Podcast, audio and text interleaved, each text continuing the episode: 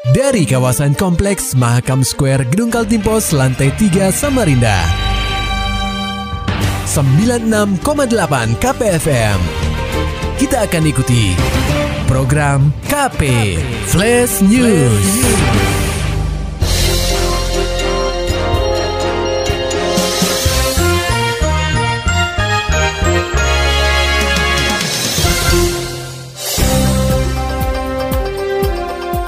Anda sedang menyimak program KP Flash News bersama saya Agung Pratama. Pendengar KP, alokasi anggaran pendidikan di Kaltim setiap tahunnya mengalami peningkatan.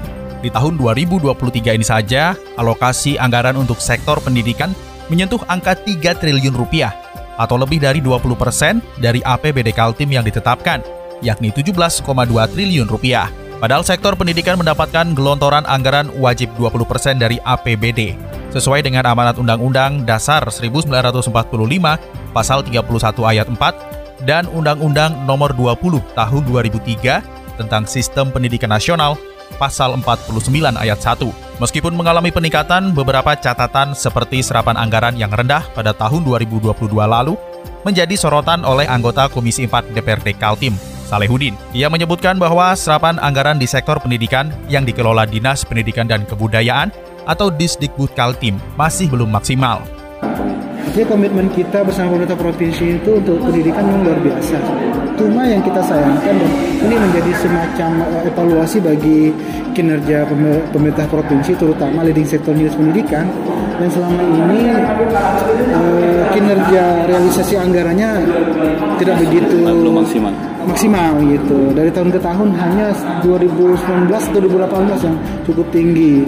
Nah itu uh, kita harapkan ini proses percepatan realisasi ini uh, lebih lebih menjadi prioritas gitu supaya tidak ada silva Politisi Partai Golkar ini menuturkan seharusnya besaran anggaran yang sudah dialokasikan dapat diberdayakan untuk meningkatkan sumber daya manusia atau SDM di sektor pendidikan atau meningkatkan sarana dan prasarana infrastruktur sekolah, seragam dan buku, serta sejumlah alat elektronik lainnya yang dapat diadakan, khususnya pada sekolah yang terbilang berada di pinggiran. Oleh sebab itu, Salehudin berharap realisasi anggaran bisa dimaksimalkan di tahun 2023 sehingga dunia pendidikan di Kaltim bisa lebih maju.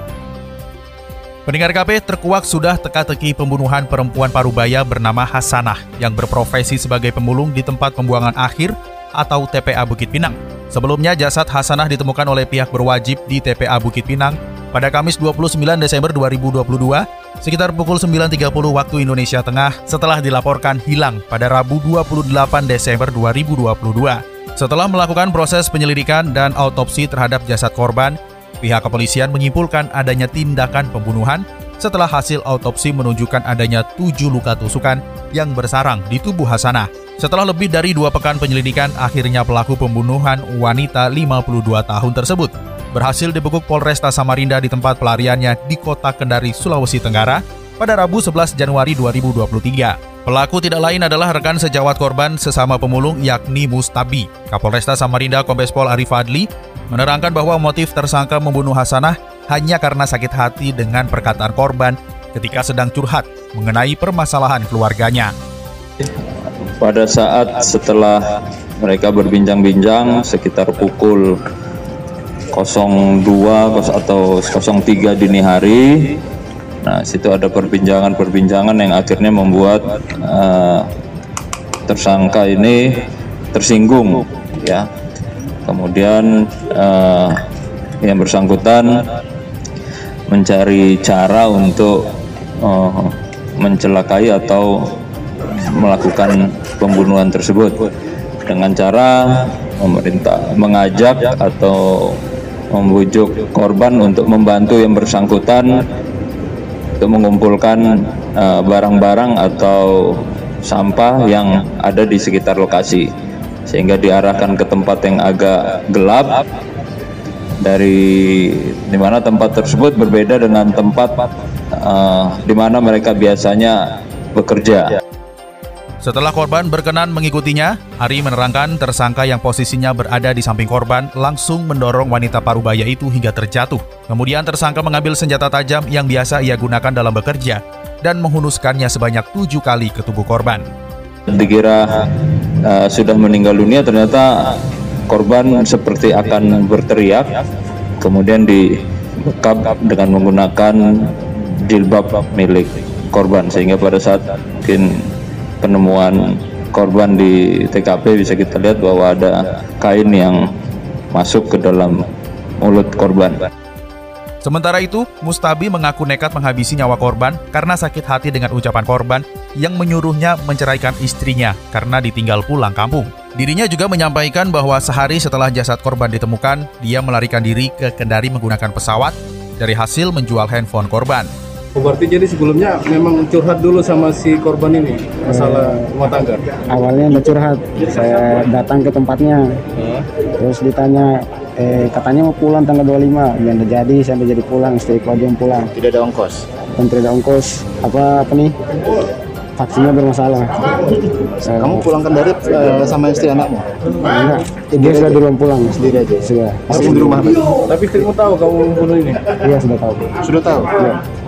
Itu kamu nggak tahu pas kamu di Kendari atau masih di sini? Dia tahu sendiri. Tahu sendiri. Pas di sini berarti. Jadi sudah lama pulang, duluan dia yang balik. Mas, coba kamu milih curhat sama dia karena dia aja yang ada lagi. Karena saya percaya sama teman saya itu, Terus handphonenya kamu apa kan? saya jual. Untuk Jadi ongkos Atas perbuatannya ini, Mustabi akan dijerat dengan pasal 340 KUHP, subsidiar pasal 338 KUHP, subsidiar pasal 365 ayat 3 KUHP, dengan ancaman hukuman maksimal seumur hidup. Pendengar KP, akan dilengkapi lift barang pembangunan Pasar Baka berlanjut di tahun 2023. Laporan selengkapnya akan disampaikan reporter KPFM Samarinda, Muhammad Nur Fajar. Proyek pembangunan Pasar Baka yang berlokasi di Jalan Sultan Hasanuddin, Kecamatan Samarinda Seberang, akan dilanjutkan pada tahun 2023. Pembangunan pasar ini sendiri akan berfokus pada pelengkapan fasilitas pada lantai dua bangunan. Kepala Dinas Perdagangan atau Disdak Samarinda, Marnabas menerangkan, untuk proses penyelesaian di lantai dua Pasar Baka, Pemkot Samarinda akan menggelontorkan anggaran sebesar 9 miliar rupiah pada tahun 2023. Selain penambahan fasilitas di lantai dua, Marnabas juga menyampaikan bahwa pihaknya akan memasang lift barang di Pasar Baka. Menurutnya, sudah seharusnya pasar di Samarinda yang bangunannya bertingkat bisa memiliki lift untuk mengangkut barang dagangan. Tapi saya tahun ini harus menyelesaikan di lantai duanya. Siap. Oh, di lantai dua. Lantai dua sekitar 9 mm saya siapkan dada. Bukan saya sih, wali kota ngasih saya. Pokoknya eh, kita optimis di tahun 2024 itu sudah bisa dimanfaatkan untuk akhir itu. Oh, berarti tahun ini Tahun ada ini belum. penambahan. Ada penambahan. Ada oh penyelesaian di lantai lantai dua sekaligus nanti pagarnya, fasilitasnya dan saya pasang lift di situ untuk angkut barang. Sudah saatnya loh Samarinda ini harusnya eh, kalau sudah lantai dua itu pakai lift. Lebih lanjut, Marnabas berujar bahwa jika tidak ada aral melintang, Pasar Baka akan dioperasikan pada tahun 2024 mendatang untuk menunjang kebutuhan bahan pokok masyarakat di kawasan Samarinda Seberang. KPFM Samarinda, Muhammad Nur Fajar melaporkan. Pendengar KP setelah PPKM dicabut, isolasi terpusat ditutup otoritas daerah. Pasien COVID-19 dirawat di rumah sakit.